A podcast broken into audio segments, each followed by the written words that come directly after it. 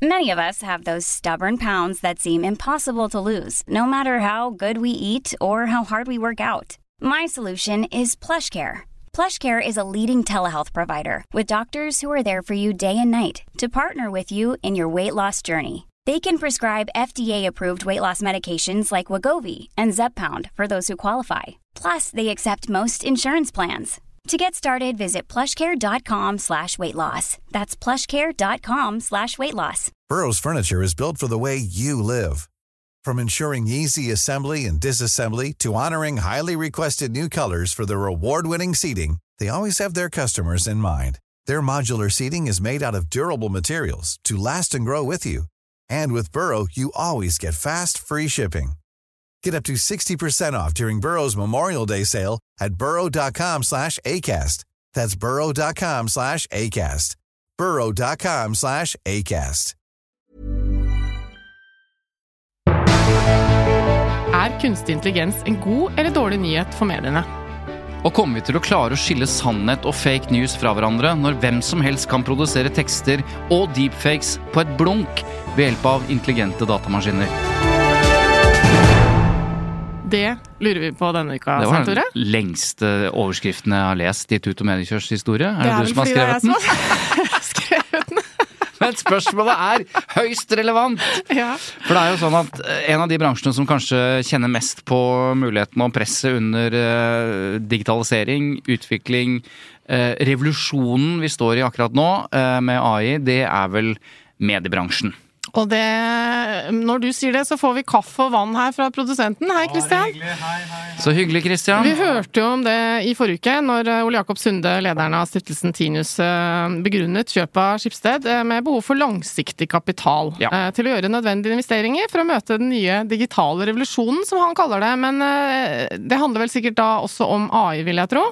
Og dessuten så antyda han jo at den nye AI-modellen kommer til å åpne opp for mer samarbeid, kanskje med media og de andre mediegigantene. Og da har vi behov for, eh, nå når vi er på tampen av året, å oppsummere dette AI-året, eller KI-året. Vi skal bestemme oss også for hva vi kommer til å si. Jeg tror vi skal si AI, fordi vår gjest eh, har allerede begrunnet det i sin bok, eh, med at hun ikke gidder å bruke det norske begrepet, fordi det er en internasjonal bransje. Noe sånt. Det kan hun sikkert redegjøre for. Ok, Nei, men Da bruker vi AI. Eh, og så må vi finne ut av Det er jo eh, Mediebransjen og AI, det betyr jo så mangt. Minst fire ting har jeg lært. Ja. Så da skal vi også komme tilbake til det. Men du, eh, Du, vi må har du hørt siste nytt? Spør du meg om jeg har hørt Siste Nytt? Ja. Jeg, jeg våkner av Siste Nytt. Jeg, Ja, det er det du gjør. Hvem har blitt på politisk redaktør i VG? Ja. Norges største avis. Det er helt riktig. Det er Frøy Gulbrandsen. Så gøy, ja. Og hun er da, for de som ikke vet det, hun er da eh, i dag sjef for Bergens Tidende. Mhm. eh, men en annen artig ting, siden vi skal ha en, eh, en akademiker på besøk i dag. Mhm. Hun er en av to redaktører i hele Norge som har doktorgrad. Altså Frøy. Frøy, ja. Ja. Frøy bra. Gulbrandsen har eh, doktorgrad i sammenlignende politikk, som det heter i Bergen. I Oslo heter det statsvitenskap. Hun har eh, Først så skrev, eh, skrev eh, de om henne da for et par år siden at hun var den eneste, eller den første siden 1938, en redaktør som har doktorgrad. Men Det så kan vi snakke mer om, eh, Svein Tore, når Frøy blir gjest. Nå Et- har vi en annen gjest. Et vi har lite litt dårlig tid. Et lite øyeblikk. Og det var De hadde ikke regnet med han sjefredaktøren i Drangedalsposten, som også har doktorgrad. Men nå vet vi det. Det er to redaktører i Norge med doktorgrad. Da er ikke det vet vi det. Da vet kjempe. vi det. Og så har jeg en annen eh, rettelse.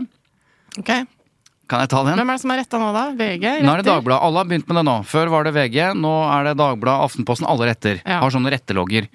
Og Da kikker jeg på den, og her er en eh, Jeg må nesten ta denne nyheten, for den er eh, såpass, skal vi si Jeg vet ikke om den er unorsk, men den er i hvert fall litt gøy, da.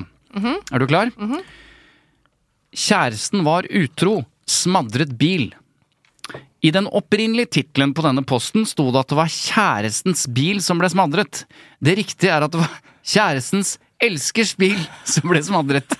Ja, men det, altså, ting må jo være riktig. Men visste du det at eh, hvis du da tar eh, Eller hvis man da, for ikke å gjøre dette så handler om oss, men hvis man da tar kjæresten eller kona eller mannen på fersken i utroskap, og du får dette sjokket som du da åpenbart får, hvis du, for det, i dette tilfellet, dette er fra Helgelandskysten, Ja. fant uh, vedkommende i senga bed, liksom. med en ja. annen. Ja. Ja, så du får det liksom midt i fleisen.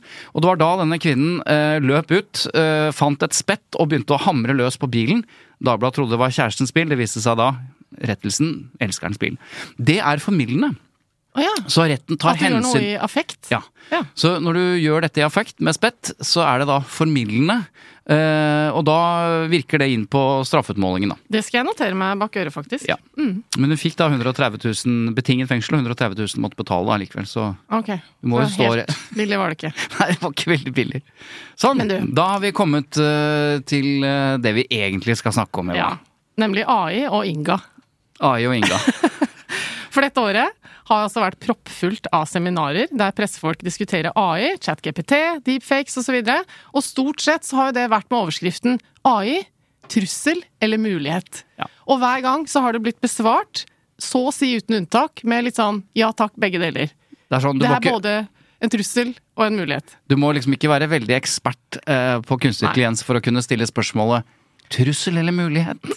Ikke sant? Og sånn har jo da 2023 gått. Ja. Så derfor så må vi komme litt videre i dette her, tenker jeg. Okay. Uh, uh, og det er jo i hvert fall en god nyhet for mediene, dette inntoget av falsk informasjon og deepfakes potensielt. Fordi det har gjort noe med den kritiske sansen vår. Altså vi er jo nå nødt til å være mer kritisk til all informasjonen vi får. Uh, og så må vi utøve det som pressen kaller kildekritikk. Ja. Virkelig, nå må vi virkelig gjøre det. Og behovet for å sjekke ting eh, med en kilde vi kan eh, stole på, blir jo da viktigere og viktigere. Og der kommer jo mediene inn. Hvis de forvalter denne rollen sin Ja. godt. Ja, for det er jo hele fremtiden til redaktørstyrte medier er jo nettopp at vi fortsetter å stole på dem, og da må vi forvalte denne tilliten vi har gitt dem, da.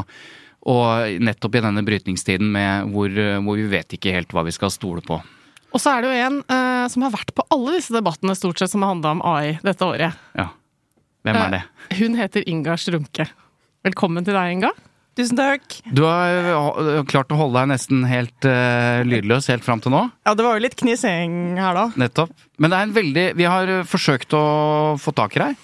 Jeg vet ikke om du har vært klar over det, men en stund. Ja, det er hun klar over, for Ja. nå skal jeg nemlig fortelle hvor min crush på Inga starta. Okay. Det var jo under Arendalsuka, hvor uh, oljefondet skulle lansere sitt syn på hvordan AI kan utvikles ansvarlig.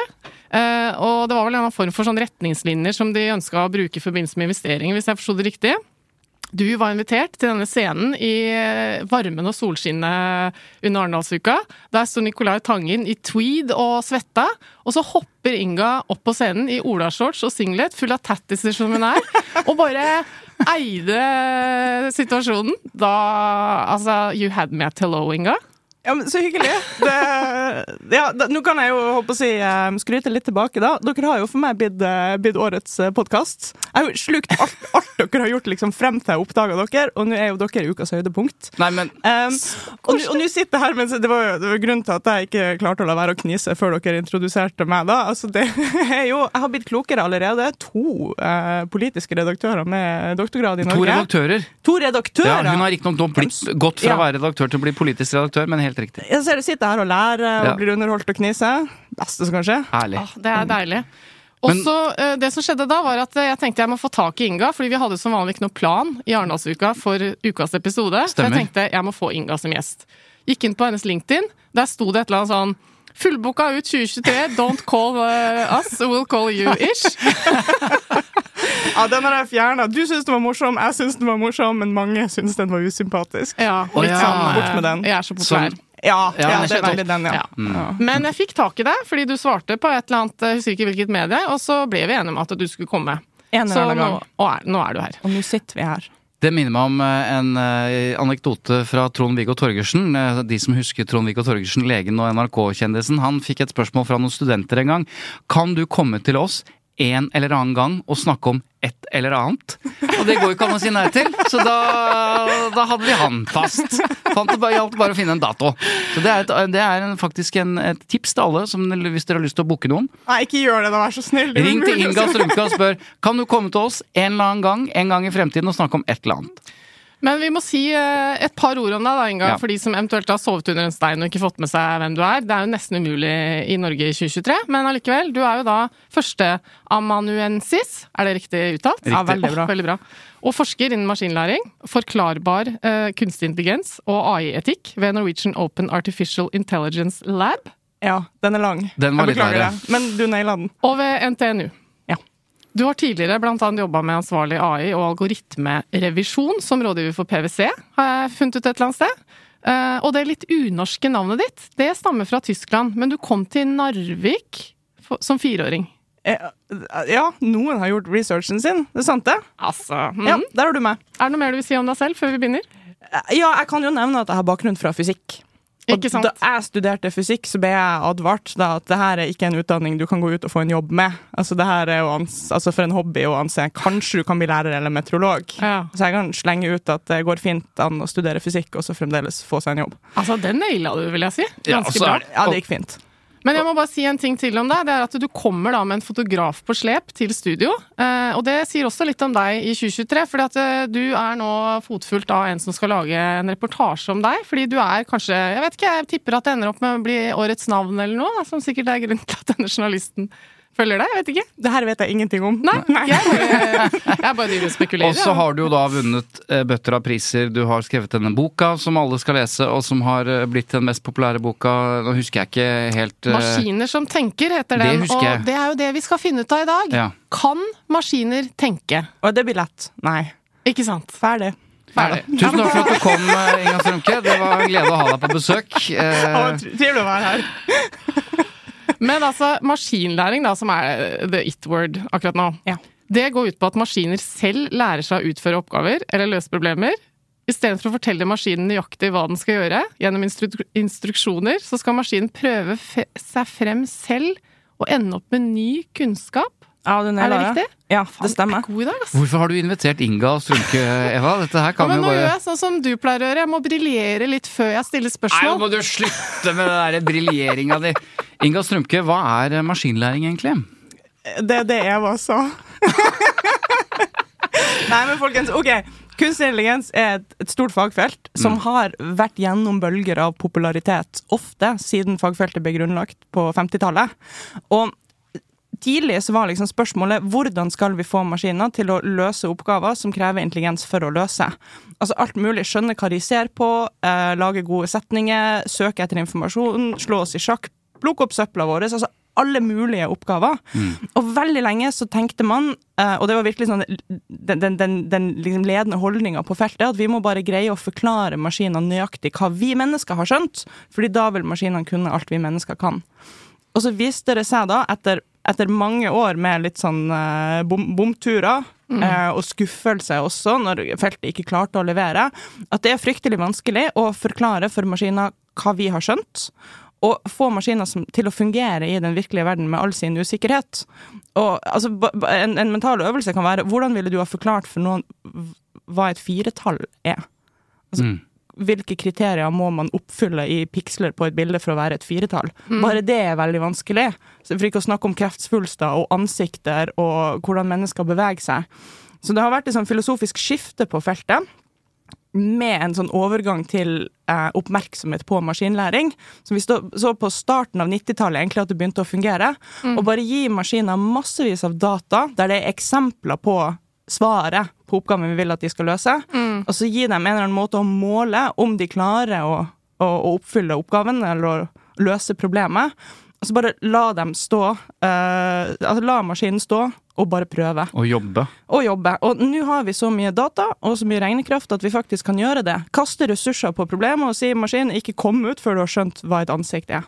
Og det her fungerer sensasjonelt eh, godt, og det fungerer så godt at vi kan bruke maskinlæring til å få maskiner til å finne løsninger som vi mennesker ikke klarer å finne. For eksempel oppdage nye antibiotikaformer, eh, folde proteiner, altså mange vitenskapelige problemer også. Eller hvordan få folket avhengig av eh, sosiale medier. Hvordan overbevise noen med politiske argumenter. Altså Men- alle mulige oppgaver, egentlig. Men det du sier er at for det første har dette vært i mange tiår en, en, en vitenskap eller et fagfelt. Ja. Eh, men så skjer det jo noe da, på et eller annet tidspunkt, og du sa, du sa to ting. Vi, vi har så mye data nå, og så har vi så mye regnekraft. Akkurat den regnekraften, det, det er jo Hva heter denne eksponens, eksponentiell utvikling? Er det noe som heter når kurven går brått veldig høyt? Du snakker om Moores lov. Nettopp. Ja. Fordi at det, på et, det skjer et eller annet med kunstig intelligens, har jeg skjønt, når eh, datakapasiteten eller, eller regnekraften blir så sterk at, at, at det ikke nærmest er noen grenser for hvor mye man kan putte inn og få ut igjen. Og det hadde man jo ikke for 50-tallet. Da hadde man datamaskiner som hadde like mye datakraft som et sånt bursdagskort. Ja, fordi det er jo noen som har vært så smarte å etablere det der ordet at ting er oppe i skyen, men de er jo basically lagret eh, på et sted med svære maskiner som trenger masse strøm og Ja, da, kapasitet. Ja. Så det, de, de, er, de virrer jo ikke bare rundt eh, For dette er jo et miljøproblem. Er det ikke det, da? Ja, ja, absolutt. Ok, Nå snakker vi om Hva, mange ting ting hva samtidig. spurte vi om nå, egentlig? Vi om nå? Skal jeg bare prøve å rydde? Ja, kan ikke du bare prøve ja. bare å rydde. ta all den dataen du nå fikk fra Eva og meg, og så, og så, og så gjør noe med den? Gjør noe, og gjør noe intelligent ut av dette, vær så snill. Uh, vær så god. Ja, takk. Ok, go. Uh, ok, Det du var inne på, er det som heter Moores lov. Vi ser at tilgjengelig regnekraft dobler seg. Eh, med, med jevne mellomrom. Så det her er ikke en naturlov. Det er ikke sånn at regnekraft bare oppstår der ute i verden. Men vi ser at um, særlig industriaktører har sett at det her er en sånn forventning der ute. Vi er nødt til å uh, fortsette å utvikle tilgjengelig regnekraft for å forbli konkurransedyktige. Og det har fortsatt å skje, helt frem til nå. Og derfor starta vi, med hva du sa for noen datamaskiner som hadde like mye regnekraft som et burs- Bursdagskort. bursdagskort, Ja. ikke sant? Og nå er vi på datamaskiner som har så mye regnekraft at det er egentlig umulig for oss mennesker å fatte det. Og det betyr at vi, også med all, all den dataen som vi samler inn om mennesker absolutt overalt, eh, har en anledning til å bedrive maskinlæring, statistisk analyse, på en skala som jeg tror vi sliter litt med å ta Ja. inn over oss. Så del to, det er du som er miljøproblemet. Mm. Ja. Um, for eksempel store språkmodeller, sånn som det som er inne i ChatGPT, uh, koster helt formidable mengder regnekraft å lære opp. Så det sånne selskap som f.eks. OpenAI, som var tidlig ute med ChatGPT, gjør, det er at de først henter data, det kalles scrape, fra håper å si, halve internett, fyller harddisk på harddisk på harddisk med tekst. Så sier de nå har vi et system, vi vil at systemet, denne språkmodellen som vi kaller dem, skal lære seg å føre et menneskelig språk. Og da altså, kaster de regnekraft på den, lar store serverparker stå og kverne kanskje i tre måneder, og ut kommer det et system som fører et overbevisende menneskelig språk.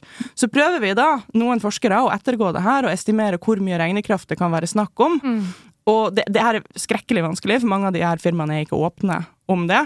Selv om Men- det heter Open AI. AI. ja, så navnet er en løgn nå for tida. Det, det kan man si. Nå er jeg ikke kontroversiell. Men å trene opp en sånn språkmodell har et karbonavtrykk tilsvarende mellom 50 og 100 levde menneskeliv i Vesten en plass. Som alle flyturene og bilturene og kjøttkonsumet vårt. Og det er bare å lage én sånn modell. Og nå skal jo alle de store selskapene ha sin Ja. egen store språkmodell. Så karbonavtrykket her er bare helt gigantisk perverst. Og det, og det koster masse drikkevann bare å bruke ChatGPT. Jeg tror du får 20 forespørsler i ChatGPT for en halvliter vann.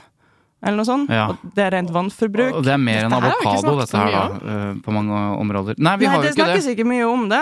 Og, og det som er så trist, da, det er at når Jeg vet ikke om dere har hørt det, men jeg har mange venner som har hørt det, at ja, én kveld på Netflix eh, koster like mye som at du skal kjøre herfra til derfra. Og så får vi forbrukere fryktelig dårlig samvittighet, og så er det ikke så veldig mye vi kan gjøre med det. Og så snakker vi ikke mer om det, for det er jo vondt å snakke om klima og miljø og sånn. Kan Det ikke ikke kan det løses med kunstig intelligens, det også, på et eller annet vis? Ja, alt kan løses med kunstig intelligens. Fint. Ja. Da slipper vi å tenke på det. Mm. Vi, er, vi snakker jo med Inga eh, om eh, kunstig intelligens. Eh, intelligens. Hørtes veldig AI. AI. Gjør det lett. Fordi dette har jo noe å si for eh, det universet vi opererer i, nemlig mediene. Vi skal snart eh, komme til det. Men ehm, det, hva er det første som slår deg, Eva, når du snakker om media og AI? Hva, liksom, hva tenker du på da? Eh, de hele tiden lurer på om det er etisk riktig å ta i bruk eh, AI-verktøy. Mm. Det er den derre trussel og muligheter igjen. Ja. Ja. Eh, Det er jo det de er opptatt av. Og det er kanskje veldig lett, sånn som oss også, å stille det der etikkspørsmålet istedenfor å bare kaste seg ut i det for å forstå det. Da. For jeg tror det som er problemet nå, er at hvis ikke mediene skjønner dette her, så blir jo mediene irrelevante. Mm. Fordi vi trenger jo noen til å hjelpe oss å forstå om ting er ekte eller ikke.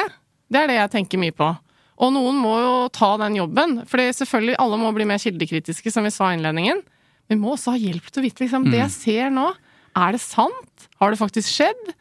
Er det manipulert? Blir jeg fucka med, liksom? Det er jo det. Noen meg- må ta den jobben. La meg ta en liten bro over til neste spørsmål, som ikke du trenger å formulere selv, Inga. Og det er altså algoritmene som vi er blitt vant til å kalle det, det som gjør at vi scroller og scroller på det samme og blir, havner eh, i verste fall nede i kaninhull osv., er jo da drevet av kunstig intelligens eh, og AI. Eh, nyheter i seg selv, måten nyheter blir til på, eh, at man ser på det unormale, det, det rare, det kontroversielle, det eh, spesielle, som jo nyheter ofte er.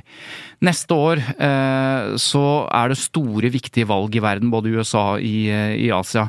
Og alle mediene og alle nyhetsformidlene skal forsøke å formidle nyheter, finne nyheter. Eh, hvis du setter eh, så langt vi har kommet med kunstig intelligens eh, og, og dette med algoritmer og nyhetsformidling i én og samme eh, liksom, hva skal vi si, ett og samme problemstilling. Eh, hva er det du tror vi kommer til å se eh, opp mot f.eks. presidentvalget i USA? Ja, Nei, altså det er så, så veldig mye her der kunstig intelligens kan spille en rolle. Fordi at det er, eh, det er teknikker som kan brukes til jeg håper å si absolutt alt mulig rart. Um, så det hadde vært fint å klare å strukturere det her litt. Men vi skal starte med det min magefølelse tilsier kommer til å være det største problemet i USA. Så er det ikke nødvendigvis deepfakes, eh, som er innhold som er generert ved hjelp av kunstig intelligens, og som er vanskelig eller umulig å skille fra ekte innhold. Det jeg tror kommer til å være trusselen i den vestlige delen av verden, der vi vet om at det fins deepfakes, um, det er mer det som er persontilpassa kommunikasjon. Ja. For altså massekommunikasjon, det begrepet, har fått eh, en ny betydning. Før handla det om å nå ut til mange folk. Nå handler det om å nå ut til alle individene på en tilpassa måte i en stor masse. Det er nærmest det motsatte av hva vi tenker på massekommunikasjon i utgangspunktet. Ja, bare det at du kan gjøre det i enormt stor skala. Du trenger ikke en trollfabrikk, du trenger ikke masse mennesker som sitter og programmerer og kuraterer innhold og persontilpasser det. Nå kan det gjøres bare basert på atferdsdata som vi alle legger fra oss idet vi tar opp mobiltelefonen og går inn på en eller annen side. Men hvilke konsekvenser får det i en nyhetsformidlingsperspektiv, f.eks.? Ja, det, det, kan, eh, det kan være absolutt så mangt. Altså, der jeg mener at vi absolutt eh, ser det aller sterkest, det er jo på sosiale medier, der feeden er styrt av um, personlige preferanser som systemene forstår basert på dataene våre. Altså hvor scroller du saktere, det betyr sannsynligvis at du liker det bedre. Og um, det er jo ikke alle nyhetsmedier som er nødt til å bruke det her på nettsidene sine, men vi ser det jo også mer og mer internasjonalt, at mediene har lyst til å gi folk det de vil ha, så klart fordi at de tjener penger på at folk konsumerer innholdet deres. Og det jeg syns er så, så skummelt og gjør denne diskusjonen så vanskelig, det er at du trenger ikke å, å lyve til noen eller fortelle usannheter for å manipulere dem eller overbevise dem om ditt standpunkt. Nei, du kan gi dem veldig mange argumenter som de kjøper, og fortelle dem veldig mange ting som er sann, men gi et så unyansert bilde i en eller annen retning at de følger deg i den retninga. Og det tror jeg kommer til å bli den største utfordringa i den vestlige verden. Men det er absolutt ikke den eneste plassen vi kommer til å møte kunstig intelligens i mediebransjen. Altså Det ene er jo at mediene kan bruke kunstig intelligens sjøl, det kan vi godt snakke om. Men det andre er liksom konsumentperspektivet, når vi utfordres eller, eller møter på teknologien, veldig ofte uten å vite det sjøl. Det er det som er så interessant, det, vi snakker jo ofte om i nyhetsdekningen som sier at isolert sett så er det ikke nødvendigvis noe av det usant, men satt i den Yes. settingen, i det tempoet, i den Og hvor du tar vekk en del av nyansene og tar vekk de andre tingene som er sier noe mot det. Får ikke meningsmotstandere i feeden din nødvendigvis, da. Nei.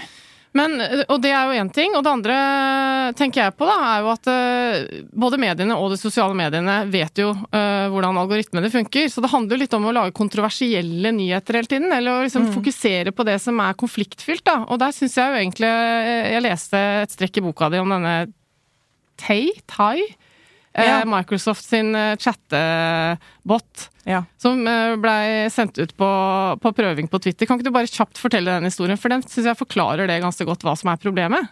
Ja, så eh, det hadde vært en eh, kinesisk eh, snakkerobot som fungerte godt på sosiale medier der, til å bare få folk til å eh, engasjere seg, altså snakke med den, og bare få eh, tråder og samtaler til å bli eh, bedre, større, mer interessant. Så tenkte Microsoft det her har vi lyst til å få til på ja, vestlig Twitter også. Så de laga den her eh, botten, og det her var lenge før ChatGPT. Den het Tai, Thinking About You. Eh, Og den skulle ha personligheten til det de kalte The Girl Next Door. Så det skulle være en sånn morsom tenåringsjente som bare var sykt gira på å snakke om hva som helst. De ga den som mål å skape mest, flest mulig interaksjoner. Altså si Nettopp, ting fordi du gir den en oppgave, og det er den oppgaven den løser. Yes, Og her kommer det interessante. ingen maskiner gjør noen ting uten at vi gir dem et mål, og det her Nei. er viktig. Ja. Ingen maskiner gjør noen ting uten at vi gir dem et mål. Vi kan ikke snakke om hva maskinen vil. Kjempe, Eh. kjempeviktig. Ennå. Ennå. Virkelig. Altså, ingen maskin slår seg på engang. Altså, du, du, må, du må dytte den i en eller annen retning, eller så gjør den ingenting. Altså, til og med vi mennesker har jo et evolusjonært mål vi prøver å oppnå. Mm. I hvert fall. De ga den et mål. Skap mest mulig interaksjoner. Så viser det seg på Twitter da, at hvis du skriver et eller annet hyggelig, og jeg har vært på shopping i dag, eller hva nå enn, så er det ikke så mange som reagerer. Men hvis du skriver ikke sant, Noe om trans. Noe om trans, eh, ikke sant, noe sexistisk, eller eh, holocaust fant ikke sted, eller i det hele tatt, så kaster folk seg på og skaper massevis av interaksjoner. Så i løpet av 24 timer så gikk den her Tai, botten, fra å være en hyggelig girl next door til å bli en sånn transfob, homofob, holocaustfornektende drittsekk. Og det var jo ikke fordi det var en sexistisk eh, robot, den gjorde jobben sin. Perfekt! Den gjorde jobben sin perfekt. Ja, så Ja. Vi er altså i tidenes 'careful what you wish for'-scenario. Dette, du sa uh, i stad at Vesten, du la vekt på det, at det er det du, vi kommer til å se. Vi har en del kunnskap i Vesten om deepfakes, om hva liksom, kunstig intelligens og AI kan gjøre. Eh, men hva ligger i det? Hva er, er det noe annet du ser for deg og er urolig for i, i andre deler av verden? Ja, Nå overforenkler jeg veldig da hva, hvilke soner vi kan dele verden inn i. Jeg mener ikke at det er kun i Vesten at vi er kritiske og har skjønt hva datamaskiner er for noe, men jeg tror det er den største trusselen i Vesten. da.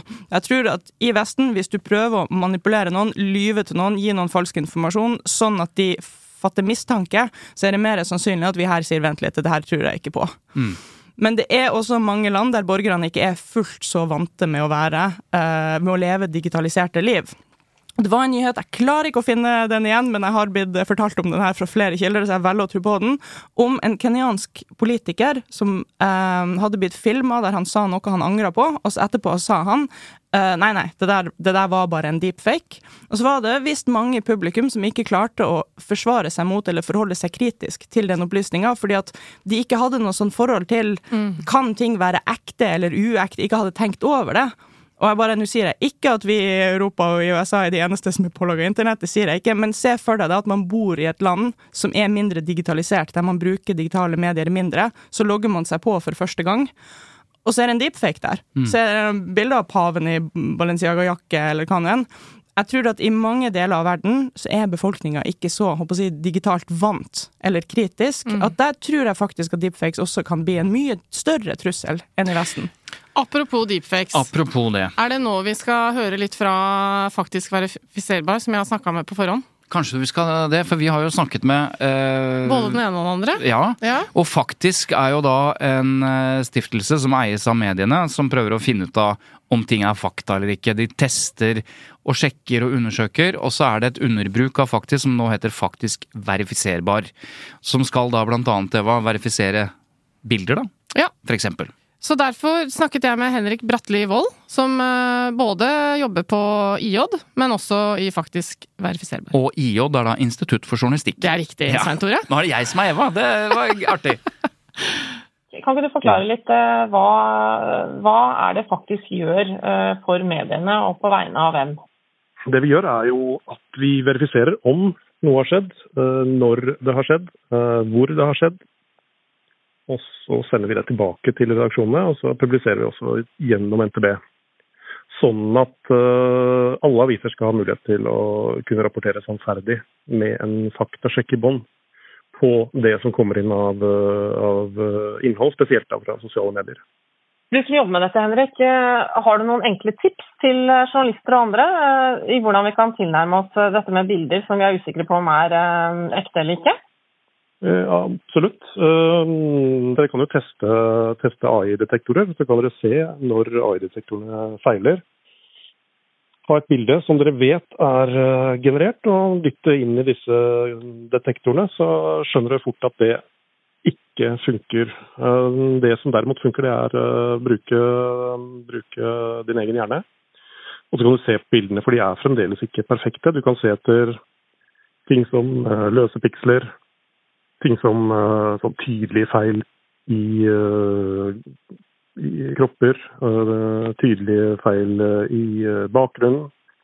Den har ennå ikke skjønt helt hva tekst er, eller hva fingre er, eller hva mennesker egentlig er. Så det, det er ofte du ser én eller to små kimer til tvil i et sånt bilde. Da kan du jo være ganske sikker på at du, du har å gjøre med en, et generert bilde. Ok, så hvis vi tenker oss at eh, om ikke altfor lang tid, så vil AI være litt bedre, da, og ikke Mm. gjøre disse feilene. Hva skal vi da, hvordan skal vi da forholde oss til alt dette? Hva, hvordan kan vi stole på det vi ser da? Nei, med stor skepsis. Jeg tror øh, Altså, jeg er ikke noe jeg er ikke noe stor fan av sosiale medier. Jeg mener det er på tide å, å, å gå bort fra, fra å kalle det medier i det hele tatt. Det er sosial underholdning og bør behandles øh, med like, med like stor skepsis som man, øh, som man øh, behandler det noen skriker ut fra en, fra en såpeboks, som det het i gamle dager. Jeg tror ikke du skal stole på noe av det. Eh, Du kan stole på seriøse nyhetsformidlere som, eh, som, har, som har kildekritikk som jobb, og som har gått gjennom med, med og setter sin troverdighet på spill hver dag. Ok, så da kommer milliondollarspørsmålet da. Hvordan kan vi stole på i fremtiden at journalistene vet hva de, eller redaktørene, hva de kan stole på? Altså, kommer de til å klare å verifisere det innholdet som kommer fra overalt? Det er et uh, veldig, veldig godt spørsmål. Jeg tror at alle norske journalister eh, de har behov for eh, den metodikken vi eh, står for i Verifiserbaren, som, som nettopp handler om å ikke lene seg på én eller to kilder når man verifiserer, men at man hele tida er på utkikk etter flere detaljer som kan bekrefte eller avkrefte det du sitter og ser på. Så jeg tror, jeg tror at journalistene blir flinkere og flinkere til det. Og så tror og håper jeg at det kommer AI-verktøy som også kan hjelpe oss, eh, hjelpe oss eh, litt på veien. Men jeg tror ikke det er noen tvil om at dette er en jobb som eh, må gjøres av mennesker også i framtida. Inga, hvem er det som skal lage disse, hva er det han kalte det, sånne verktøy som skal hjelpe oss å, å si om et AI-verktøy har laget noe manipulert for oss? For du har skrevet at det må gjøres av de som lager AI-verktøyet? Ja, det er de her detektorene, da. Ja. Eh, som vi lener oss på. Eh, og her må jeg bare si med en gang at eh, det jeg kommer til å beskrive nå, det blir et våpenkappløp som bare er det. Ok. okay. Så vi lager noen verktøy, og alt det her passer inn i den store, eller hører inn i den store sekken som vi kaller generativ AI. Så det er en, et lite hjørne innenfor fagfeltet kunstig intelligens der vi lager systemer som kan lage nye datapunkter. Det være seg tekst, lyd, bilde, video, hva nå enn. Når en eller annen, et eller annet sånn AI-system, f.eks. ChatGPT, har produsert ny data, ChatGPT har skrevet en overbevisende tekst, eller et eller annet verktøy har laga et overbevisende bilde, så spør vi oss ok, gitt at det er et AI-system som har laga det her, går det an å lage en detektor som finner ut at det her er et AI-system som har laga det, ikke et kamera som har knipsa det. Og tingen er at når man vet, når man har tilgang til det spesifikke som, systemet som har laga det, så kan man lage en detektor som sjekker om det er akkurat det systemet som har laga det her innholdet. men hold, hold an litt nå. Altså, Vi kan jo ikke være avhengig av at de som lager deepfakesene skal avsløre at det er deepfakes. Hvis det, er det det du sier nå? Eller så kan vi Ja, kreve det av dem, kan vi ikke det da? Ja, ja, ok. Bare ba, ba, ba, ba for å konkretisere litt her, for Ja. du blir det veldig mye sånn Ja. prinsipielt, og egentlig går det i utgangspunktet. For eksempel ChatGPT. Inni der er det en stor språkmodell. Det den gjør, er at den tar en tekst som du skriver inn, skriver et prompt, og så regner den ut sannsynligheten for neste ord. Og så tar den det ordet som er mest sannsynlig, og putter det inn. Og så har den en ny tekst som har blitt eh, et ord lengre, og så basert på den teksten regner den ut hva er det neste sannsynlige ordet. Hvis man har tilgang til denne modellen og et stykke tekst, så kan man spørre den for hver tekstbit inni her, hva er det neste mest sannsynlige ordet? Hvis den sier det neste mest sannsynlige ordet er det ordet som faktisk forekom i teksten, da er det sannsynlig at det er den modellen som har laga den teksten. Ah, og dette kan Og sikkert gjøres uten at vi lyd! merker Dette kan sikkert gjøres uten at vi vanlige folk merker det! Ok, Så det betyr rett og slett at du bruker det, du bruker det verktøyet til å avsløre det samme verktøyet, men det, de som tar utgangspunkt i å ha onde hensikter, de kan allikevel bli avslørt, selv om vi bruker deres verktøy til å avsløre dem? Ja, altså, Jeg kan gå hjem eh, hvis jeg har nok mange millioner dollar, og så kan jeg lage en egen språkmodell og så få den til å generere tekster. Mm. Hvis dere ikke har tilgang til min språkmodell, så kan dere aldri faktisk være sikre på at en tekst er laga av min språkmodell. Ok. Ikke sant? Så Derfor blir det her et våpenkappløp. Ikke sant? Ny, bedre modell, må vi ha en ny, bedre detektor. Og så kommer skurkene til å fortsette å lage bedre Dette er modeller, og da må vi ha flere detektorer. Dette er som en James Bond-film, eh, Eva. For der er det sånn De som lager de beste våpnene, de må ha de som lager de beste motgiftene hvis det er gift de har. Det er samme greiene. Det er James Bond. Ja, Og det er jo ikke betryggende at det er James Bond vi er, eh, snakker om. Jeg mener absolutt ikke at det er en god strategi å gå inn i et våpenkappløp der man ikke er premissleverandør og ikke har oversikt. La oss ikke gjøre det. Og det er derfor jeg også sier til lærere, ikke gjør dere avhengig av ChatGPT-detektorer. Ikke sitt og vent på ChatGPT-detektorene. La oss prøve å lage et eller annet system som er håper å si, AI-proof. Og da kommer vi for eksempel eh, for, for, um, for mediene sitt vedkommende, da. La oss ikke basere oss på detektorer. La oss heller snakke om hvordan verifiserer vi sannhet. Og her er grunnen til Dette er en liten brannfakkel, men her er grunnen til at jeg er ikke så veldig bekymra for deepfakes og alt fake rundt omkring. For det er jo sånn at mediene har drevet kildekritikk siden omtrent siden starten. Og det er sånn at Jeg skal prøve å forklare dette her. Hvis vi ser en deepfake, et bilde av en video, og så ser det ut som Putin. Han fikk et spørsmål fra en som så ut som seg selv her om dagen for å demonstrere hvor langt de har kommet. Men hvis vi ser en deepfake video og lurer på om det er sant, så finnes det jo andre muligheter for å finne ut om det er sant eller ikke, enn å prøve å tyde den videoen. Du Ja. kan f.eks. spørre den som er på videoen, har du, har du vært her og sagt dette? Eller se om det fins ti andre tilsvarende videoer fra andre vinkler, eller Ja, men jeg tenker ikke, ikke tenk på det. Ikke Nei. tenk på hvordan du skal avsløre videoen om, som, som per se. Men faktaene som kommer fram, hvordan den videoen har blitt plassert. An, altså det vi kaller andre kilder. Journalister, de beste journalistene, de opererer med de fleste kildene. Sånn at man er helt sikker på at dette ikke er sant, eller at det er sant. Og den grunnleggende kritiske tenkningen, og, den, og for så vidt den akademiske, hvordan akademia også er, eh, er hele tiden er skrudd sammen for å teste hypoteser og teste fakta osv. Det er jo det vi må Det er jo den menneskelige intelligensen eller kildekritikken vi må være avhengig av. Ikke om vi klarer å se om det er en piksel feil eller ikke. Inga? Jeg tenker at vi burde forholde oss til alt medieinnhold egentlig som utsagn. For det at alle utsagn ikke er sanne, det har vi visst siden vi kravla opp av uh, ursuppa, omtrent. Så i stedet for å tenke hm, det her er et bilde eller det her er et lydklipp, tenk på, tenk på det som et utsagn. Hva er informasjonsinnholdet i det her utsagnet? Nettopp. Altså, noen sier Putin sa sånn og sånn og sånn. Hvis du hører det utsagnet, hva gjør du da? Du sjekker det. Du sjekker det. Ikke sant? Så det, jeg mener ikke zoom inn på bilder eller zoom inn på tekst er løsninga her i det hele tatt. Så jeg er helt enig med det du sier. Det, Ja, men altså, Men- men det jo- Nei, men det er jo også sånn at uh, når jeg jobba som journalist, så kunne det godt være, og da før jeg visste hva deepfake var, så satt et menneske rett overfor meg og sa 'det har jeg aldri sagt'. Det var mannen, mannen satt og sa, han har aldri sagt det. Altså, 'Å ja, men jeg sitter jo og ser på deg nå, du sier jeg aldri har sagt noe, Nei, da får jeg tro på det.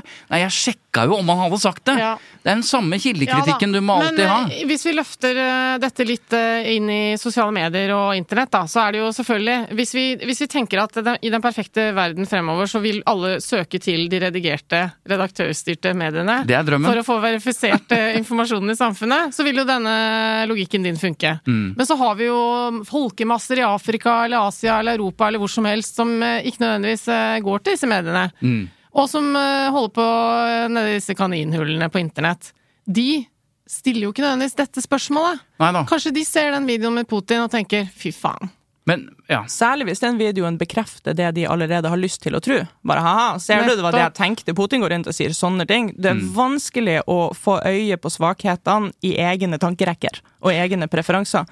Men men nå er, vi- nå er vi mer på liksom samfunnsdannelse. Ja ja, men så har vi jo også samfunn der mediene driver med denne typen eh, manipulering, så man kan jo se for seg Nettopp. Ja. Og det er der eh, mediene eh, baler nå. ikke sant? Fordi at De skjønner da at hvis de skal være en godt, eh, god institusjon, eller gode institusjoner, samfunnsbyggende eh, deltakere, så må de ha tillit og legitimitet. Eh, Vi har spurt eh, lederen for Institutt for journalistikk, som jo er i kontakt med redaksjoner og redaktører hele tiden, og ikke minst hva de gjør og tenker rundt AI, eh, om ja, hva slags oversikt hun har på, på hvor, hvor godt stilt det er med eh, norske medier, norske redaktører og redaksjonelle miljøer når det gjelder kunstig intelligens. For dette er du litt spent på, Inga? Jeg er kjempespent på det her. Jeg har vært eh, invitert til de her diskusjonene lenge, og norsk mediebransje har jo vært ganske langt fremme i skoene på både hva er, hva er mulighetene og hva er truslene. Men altså, virkelig, hva som er muligheten, er jo et interessant spørsmål. Hvordan skal mediene bruke kunstig intelligens for å bli mer effektive og troverdige? Og hvor mye kan de ta seg råd til å teste ut? For altså, ChatKPT har fantasi et år. Ja, det- veldig mye av denne teknologien er helt ny, og man må finne ut hva det er som er trygt å gjøre. Altså ikke rasere den tilliten eh, imens man driver og eksperimenterer. Så jeg er kjempenysgjerrig på bare det siste året hvilke erfaringer har forskjellige mediehus gjort seg. Ja, for det koster jo penger Absolutt. å utdanne alle journalistene. Det koster penger å sende en fotograf eh, med Inga en hel dag. Altså, mediene har jo ikke penger til å være alle steder der de ønsker. Så hva er løsningen på dette da? Hvis, hvordan skal mediene klare å kurse seg selv og bli oppdatert på AI, tror du? Og nå er det så deilig å være akademiker, det vet jo ikke jeg. det kan jeg si. Vet du det, Eva? Mer statsstøtte? Nei. Nei, Det bare er som Tinius Nager Eriksen som sa hvis ikke mediene kan betale sine egne regninger, så er de ikke lenger frie. Så Mm. nei, de må betale sine egne men eh, meninger. regninger. Ja. Og så må de lage et kommersielt system som funker. Og det tror jeg de er i ferd med å gjøre. Da må de samarbeide, så ikke alle må gjøre det hver for seg. Her er Siri Skålmo som skal forklare hvordan mediene forholder seg til AI i desember 2023. Ja, jeg tenker vi kan dele AI og journalistikk inn i fire områder, egentlig. Og det første er jo da AI som verktøy i produksjon og i research. Eh, Altså hvordan journalister kan bruke AI-verktøyet til å lage bedre journalistikk. Eh, Det kan enten være i research, i gravefasen, som faktasjekkarbeid, eh, men også i selve produksjonen, der man kan jo gjøre en rekke rutineoppgaver enklere og mer effektivt med AI. Og her har vi all- allerede hørt, og vi har snakket om i, i podkasten, at, eh, at Skipsted har vært langt framme. A-media jobber med dette her, og det handler jo om å eh, ja, De klarer jo nå å kutte timer og tid brukt på sånne rutineoppgaver allerede ved å bruke ulike former for språkmodeller og oppsummeringsverktøy osv. Det, er- det, er det, det, er den, eh, det er den delen der. Yes, stemmer. Og hvilke, hvilke annet område bruker de eh, AI til? Den andre delen er bruk i kommersielle deler av mediene, altså i utvikling og kommersialisering. Eh, Det kan være alt fra brukermarked og abonnementssalg, eh, annonseteknologi og innenfor analyse, produkt- og tjenesteutvikling, og også selvfølgelig publiseringsteknologien, altså hvordan man får journalistikken ut til folket. Og, la meg tippe et eh, tredje område hvor kunstig intelligens og journalistikk hører sammen. Det er vel selve dekningen av, av kunstig intelligens? Yes, altså den journalistiske jobben som gjøres på AI, og hva, hva dette er, hva denne kunstige intelligensen er, og hvordan den påvirker oss og samfunnet. Eh, og her er, her er det en stor jobb å gjøre, for journalister må jo kunne eh, stille spørsmål og undersøke og informere og avdekke forhold innenfor denne type ting. Da, og hva skjer når AI er tatt i bruk innenfor eh, helse, juss, offentlige tjenester? Eh, når det tas i bruk ordentlig innenfor industri og næringsliv. Eh, så det er litt sånn, Hvordan påvirker det skolesystemet? Hvordan påvirker det valgene som tas på vegne av oss som individer? Arbeidslivet? Her er det masse masse journalistikk som må gjøres fremover. Eh, og ikke minst hvordan AI kan brukes i eh, kriminelle handlinger eller til veldig uetiske ting, og av hvem. Det må vi jo finne ut av. Det er jo en del av samfunnsrollen. Og uh, Siri Skålmo, hva er det fjerde området uh, som mediene og kunstig intelligens uh, treffer hverandre? Jo, og det er kanskje det største og vanskeligste, tenker jeg i hvert fall. Og det er jo mediene sin tillit og rolle i det som vi vel snart kan kalle et desinformasjonssamfunn. Vi ser jo allerede at AI gjør noe med sannheten. Falske nyheter, propaganda, har fått superkrefter med AI. Og dette vil definitivt påvirke journalistikken og mediene fremover. Mm. Og til slutt, eh, alle disse fire områdene det, det fordrer jo eh, kunnskap og hands on og erfaring med kunstig intelligens. Hvor langt framme er mediene eh, på akkurat dette området, sånn generelt sett, syns du? Nei, Jeg må jo berømme mediene for å i hvert fall ha tatt tak i det nå. Eh, etter, eh, det er jo rart med det hva, hva, som skjer når du får en sånn chat-GPT som kommersialiserer eh, AI til folket. Og så har man jo likevel et langt stykke å gå. Fordi vi Altså AI er jo ikke noe nytt, det har vært der i flere tiår, og mediene eh, må virkelig stå på nå for å henge med. Det, du nevner altså kunnskap og kompetanse en helt klart vesentlig del i å forstå dette og klare å bruke det fremover. Um, og så tenker jeg det er veldig viktig at mediene også klarer å, å ha den etikk etikkfanen høyt og forstå etikken i AI i alle ledd. Uh, og så er det en stor jobb å gjøre på um, å koble dette med andre fagfelt enn kanskje mediene er eksperter på. Det handler jo om åpenhet og samarbeid og deling på tvers av Ikke bare på tvers kanskje av uh, internt i mediebransjen, men også med andre bransjer. Inga, hva tenker du etter å ha hørt på Siri Skålmo? Her er det veldig veldig masse interessant. Um, det, det, er, det jeg syns altså Det som klør hjernen min på deiligst vis akkurat nå, det er det her med persontilpasning av nyhetsinnhold. Mm. Fordi det er klart at nyheter må gjøres relevant og må presenteres til folk på en sånn måte at de liker å konsumere dem. Uh, jeg ja, vet hvordan jeg har lyst til å motta nyhetene mine. Uh, og andre mennesker har andre preferanser på hvordan de har lyst til å få innholdet sitt. Samtidig så er det, hvis du driver ren underholdning, så er det håper å si, trivielt. Gi folk uh, det de vil ha.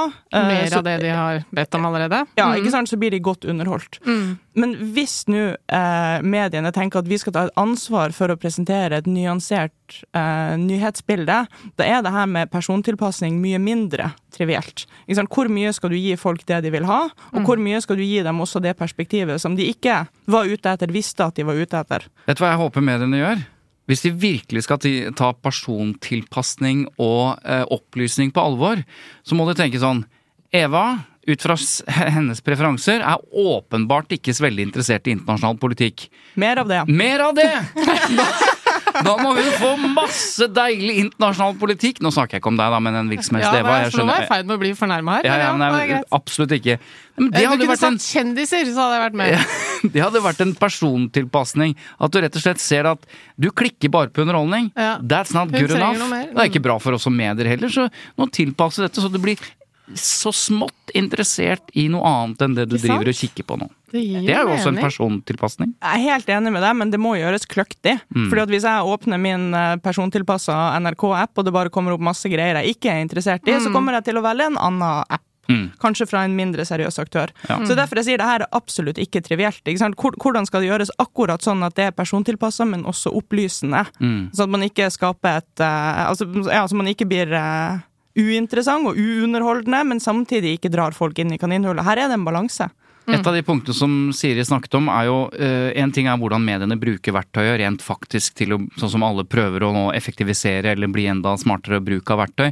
Men eh, noe journalistikken gjør som ingen andre virksomheter gjør, er jo å dekke ikke AI, altså rent journalistisk virksomhet. Det krever kunnskap og interesse og oversikt. Du har nå eh, vært eh, mye ute og møtt folk. Hva er ditt inntrykk av hvordan mediene dekker AI som felt? Fordi du er jo ekspert på det, så du kan jo si ha-ha, det der var teit. Eller det var ganske intelligent. Hvordan står det til, syns du? Sånn som du gjorde med Nicolai Tange. ja. Um, nei, altså, stort sett har jeg vært imponert over uh, dekninga i Norge. Og det som også varmer hjertet mitt litt, det er at jeg mener jo at vi må bort fra clickbates. Vi må bort fra billig underholdning, fordi at billig underholdning kommer til å bli gratis underholdning. Og så må vi mer over i ja, dybdekunnskap, god formidling mm. og altså god gammel uh, gravejournalistikk. Og uh, jeg mener at det, det, det, det, gjøres veldig mye bra folkeopplysning, også fra journalister om kunstig intelligens og teknologi. Og det jeg også biter meg merke i, det er at det virker som journalistene har det jævla gøy med å lage sånne saker. Og få lov, altså Som menneske. Mm. Å få lov å dykke inn i noe, prøve å forstå det, snakke med eksperter, og så formidle det på en god måte.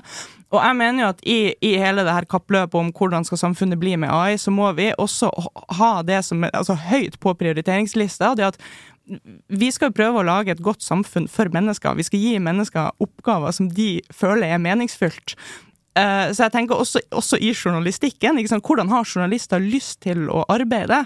Og mitt inntrykk er at journalister liker å gå, å gå i dybden på, eh, på temaer. Ikke bare kunstig intelligens, men det også. Mm. Det er, ja. Da jeg møtte deg i Arendal for et, nå snart et halvt år siden, så intervjuet jeg deg, eh, og vi snakket litt om muligheter og trusler for AI. Ja, ja. Husker du det? Det må man. Men eh, det handler jo også litt om eh, å tydeliggjøre som ekspert hvor står man? Er man grunnleggende sett bekymra, eller ser man grunnleggende sett positivt om mulighetene for hva vi kan skape av samfunn med AI? Og jeg, Du kan eventuelt rette på meg, Inga, men jeg oppfattet deg jo den gangen, eh, og det er jo et hav av tid siden, et halvt år siden, mye har skjedd siden, men ganske sånn bekymret på sett og vis også eh, for hva som kan komme til å skje. Kan du si litt hvor på skalaen du er, for å bruke sånn tabloid inngang på det, og så heller ta det reflektere derfra?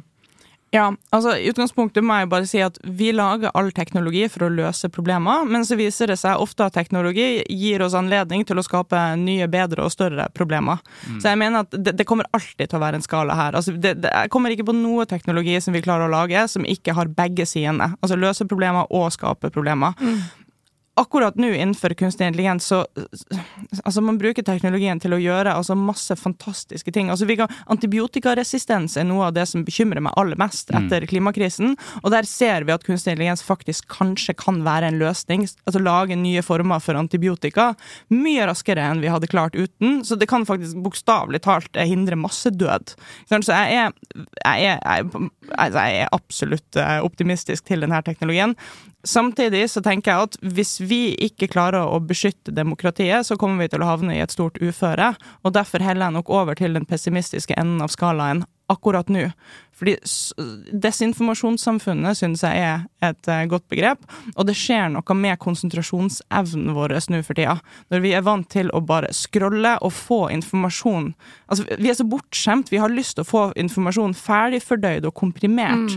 Og det er og vi, og vi overveldes jo av all den informasjonen som er tilgjengelig, så det er nesten så vi føler at vi ikke har noe valg. Man har ikke tid til å sette seg inn i saker lenger, for det er så mye forskjellig vi er nødt til å forholde oss til.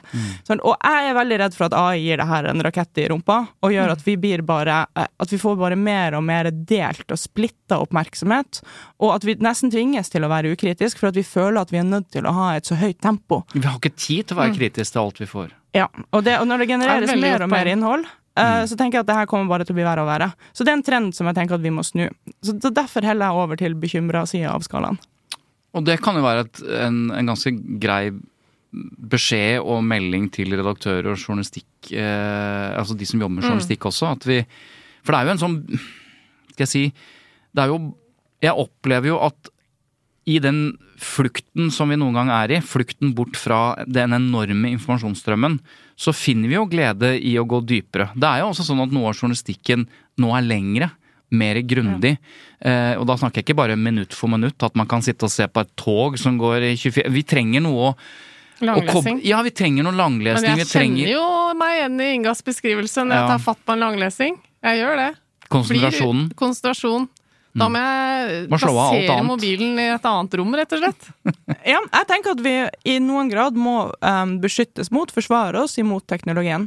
Og det er veldig mye teknologi som altså i stor grad ved hjelp av AI gjøres manipulerende. Gjøres nesten umulig for oss mennesker å, å beskytte oss imot. Så, og det er jo derfor jeg tenker at vi trenger regulering på det området her. For at jeg tenker at individer kan ikke forventes å forsvare seg Nei. imot uh, alt uh, der ute. Det vi ikke rekker å snakke om i dag, uh, er jo nettopp den biten der at det er jo Det foregår jo mye politikkvirksomhet på dette. EUs EUs eh, Og hele pakka, det har vi ikke fått tid til. Men det er jo noen som prøver å Det her Det kan vi ta når du kommer tilbake om noen måneder igjen. Ja, I 2024. Du gjør det. ja, vi har en date. Ikke sant? Men det vi må Ja. eh, snakke om før vi gir oss, er det vi eh, spurte Inga om i starten. Kan maskiner tenke? Du sa nei. Du må utdype det litt. Og så har jeg lest om denne historien om han eh, Google-ingeniøren som eh, påsto at chatboten han drev og jobba med, var blitt selvbevisst. Ja. Eh. Hvorfor trodde han det? Fordi at han chattet med denne chatboten, som klarte å kommunisere til ham at eh, han, hun, det var bevisst seg selv. Mm. Eh, Altså, og hvorfor klarte den chatboten det? Ja, så Google-ingeniøren heter Blake Lemoine. Han ble permittert, og jeg tror også han fikk sparken. Fordi at han offentliggjorde dialoger han hadde hatt med en chatbot, og det er jo forretningshemmeligheter. Det hadde han ikke eh, tillatelse til fra Google. Så den chatboten han snakka med, het Lambda. Det er kort for Language Model for Dialogue Applications. Så det var et system som var laga med det ene formålet å drive overbevisende dialoger.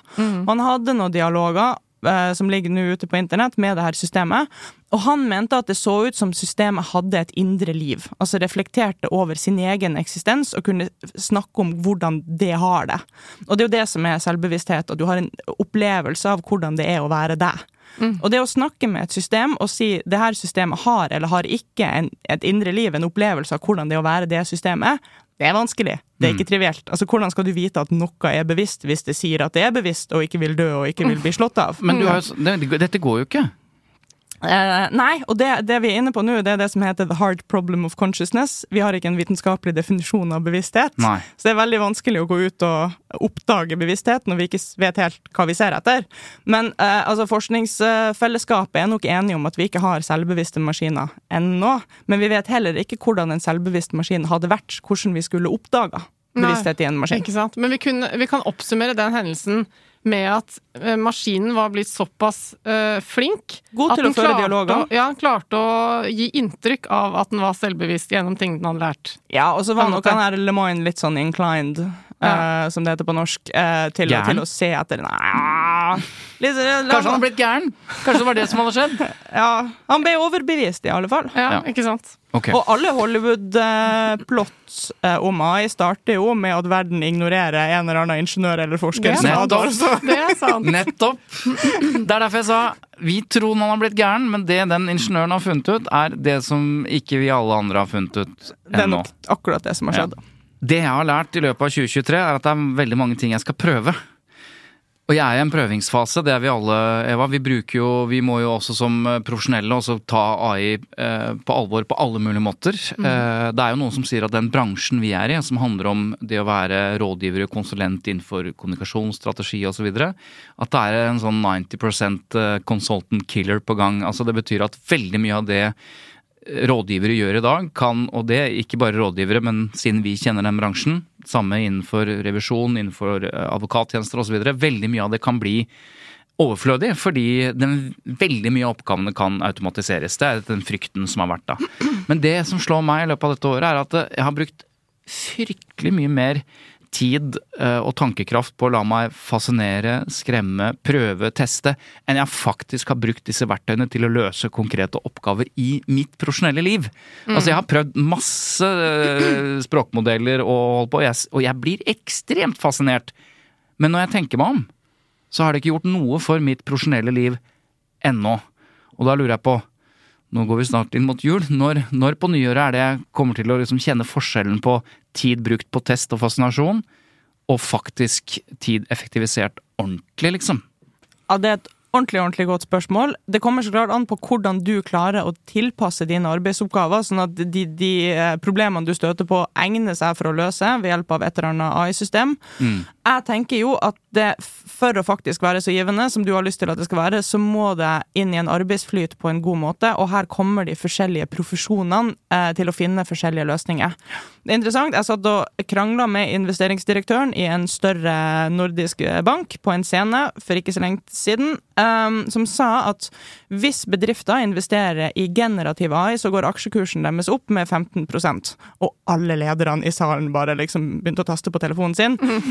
Um, vi ser absolutt at generativ AI kan gjøre noen oppgaver enklere, mindre tidkrevende, ikke sant? hvis det bygges inn i arbeidsflyten på en god måte. Nettopp. Men det her betyr ikke at hvis du begynner med generativ AI, så blir plutselig bedriften din mer verdt, og plutselig er man digitalt moden, og plutselig har man et godt forhold til det hele. ikke sant? Noe mindre enn det begynner å regne fordi man tar opp paraplyen.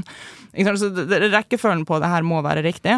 Men jeg lurer på når de første AI-oppsigelsene kommer, og jeg tror de kommer i løpet av fem år. Ja. Mm. Altså oppsigelsen kommer som følge av at jobben din eksisterer ikke lenger, Altså, eller er redusert, eller Ingen av arbeidsoppgavene dine trenger lenger et menneske å utføre. Mm. Dette kommer ikke til å skje på toppledernivå. Jeg tror ikke det blir å skje med rent fysiske oppgaver, men kanskje med mer jeg håper å si, repetitive, jeg håper å si sekretæraktige oppgaver, der, der den som skulle utført de oppgavene, ikke er liable, Ja. som det heter. Ja. Rettslig ansvarlig. Og det er jo det som er litt min tanke, fordi det er jo de i midten som du beskriver, som lettest kan bli erstatta av AI. Og, og så vet vi jo at ledere, de blir jo ledere fordi de har øvd seg og fått erfaring. Mm. Så hvordan skal vi da gjøre det med all det, alt de greiene som vi må tråle oss gjennom for å få den erfaringen som skal til for å komme opp på det nivået hvor du ikke kan erstattes? Nemlig evnen til å ta beslutninger, erfaring med ditt og datt som eh, bransjen din handler om. Hvis vi hele tiden får det erstatta, så kommer vi til slutt ikke til å forstå hvordan vi har fått den kunnskapen. For det har AI gjort hele veien. Det må jo bli et problem, må det ikke det? Altså, det her er det som jeg, når jeg diskuterer det her med vennene mine, som jeg diskuterer det med, vi kaller det advokatfullmektig-problemet. Ja. Fordi Eh, fordi at hvis det er noen, f.eks. advokatfullmektige, som gjør mye si, sekretærarbeid som en senior etterpå må gå god for, så kan man i prinsippet putte inn et AI-system i stedet, og så går senioren god for det AI-systemet gjorde. Så ansvaret er fremdeles velplassert. Men hvordan skal vi da lage seniorer? For seniorene har også vært advokatfullmektige én gang. Og det her er faktisk, det her må jeg bare få si, det her er også kjernen i problemet som er ChatGPT i skolen. Ikke sant? Hvorfor skal elevene skrive når uh, en chatbot kan skrive teksten for dem? Teksten er ikke formålet, det er ikke poenget, det er prosessen som fører frem til teksten som er poenget. Hvordan skal vi forankre den motivasjonen i elevene? Og så tenker jeg helt til slutt, det som gjør at man snakker med hverandre, og ikke setter på en film eller eh, spør en chatbot, det har jo noe med menneskelige relasjoner å gjøre, og det handler jo dypest sett om tillit til hverandre, at vi, at vi stoler på hverandre til å fortelle noe eller si noe. Vårt yrke, Eva, som en del av det handler f.eks. om krisekommunikasjon. Det kan ringe folk som er i krise, som tenker at nå er jeg i en livskrise, eller en krise som kan gjøre at hele selskapet går til helvete, eller jeg mister jobben osv. Da trenger de noe å snakke med. I hvert fall til nå har de trengt noen å snakke med. Men de trenger jo også mye verktøy, da. Absolutt, men det jeg tenker er at veldig mye av det eh, som ligger i kommunikasjon, eh, hva trenger vi å gjøre nå, og så i løpet av fem sekunder så har du alle tiltak som alle forstår at du må gjøre. Dette er noe vi, vi trenger ikke å skrive det på nytt. Men på et eller annet tidspunkt så sitter jeg med en leder som er redd for alt, og han trenger å ha noen å snakke med. I det øyeblikket vi kommer dit at han stoler mer på å feede inn problemene sine i en eller annen form for AI-generert eller AI-system, og få presise svar, enn han vil stole på et menneske som han har tillit til. Når er vi der? Fordi ja, for jeg, jeg syns ikke det er det minst sannsynlige eksempelet Nei, som kan men for meg i min hverdag så er det sånn at hvis, hvis, eh, hvis våre kunder vil i krise vil stole mer på en maskin eller et menneske, så har jeg i hvert fall de samtalene jeg har hatt til nå, vært sånn Nei, det kommer aldri til å skje, sier de. Men så sier jeg hvis du må operere bort noe, eller eh, gjøre en veldig, veldig Du må inn i en, en medisinsk situasjon der, der du må ha det beste i hele verden. Det er jo ikke lenger et menneske nødvendigvis. Nei. Så hvor ligger tilliten din da? Så det spørsmålet rundt når trenger du mennesker, når trenger du noe, noen maskiner som gjør jobben fryktelig mye bedre enn deg, hvis du da tar alle de millionene av gangene de har prøvd dette osv. Ja, ja, det det skillet mellom tillit til mennesker, og så har du det filosofiske her, at det kommer aldri til å skje med mennesker. At de stoler mer på en maskin enn et menneske. For sånn er vi skrudd sammen. Som mennesker. Det syns jeg er vanskelig. Å vite hvor det skillet går hen. Ja, jeg er enig, jeg er jo ikke snøring, ass. Men altså, det, det her er jo et samfunn som ikke bare kom, blir å komme rullende og bli levert til oss, det her er jo et samfunn som vi skaper. Og det syns jeg er viktig også i AI-debatten om om 100 år har maskinene utrydda oss osv. Altså, fremtida er jo basert på nåtiden. Altså, hvordan utvikling vi stimulerer til i 2024, er det som primært kommer til å styre hvor vi er hen i 2050. Tror du vi kommer til å få maskiner som tenker? Ja, ja. Du tror det? Takk for nå. Yay! Vi må, Ok. eh, vi må faktisk ta med denne litt uh, fremtids... Uh, for meg, dystopien. Det å få maskiner som tenker, er for meg grunnleggende sett bekymringsfullt. Altså, du er en karbonmaskin som tenker. Hilsen Inga. Ja. Fysikeren. som egentlig ikke skulle hatt noe jobb, men som har en jobb nå likevel.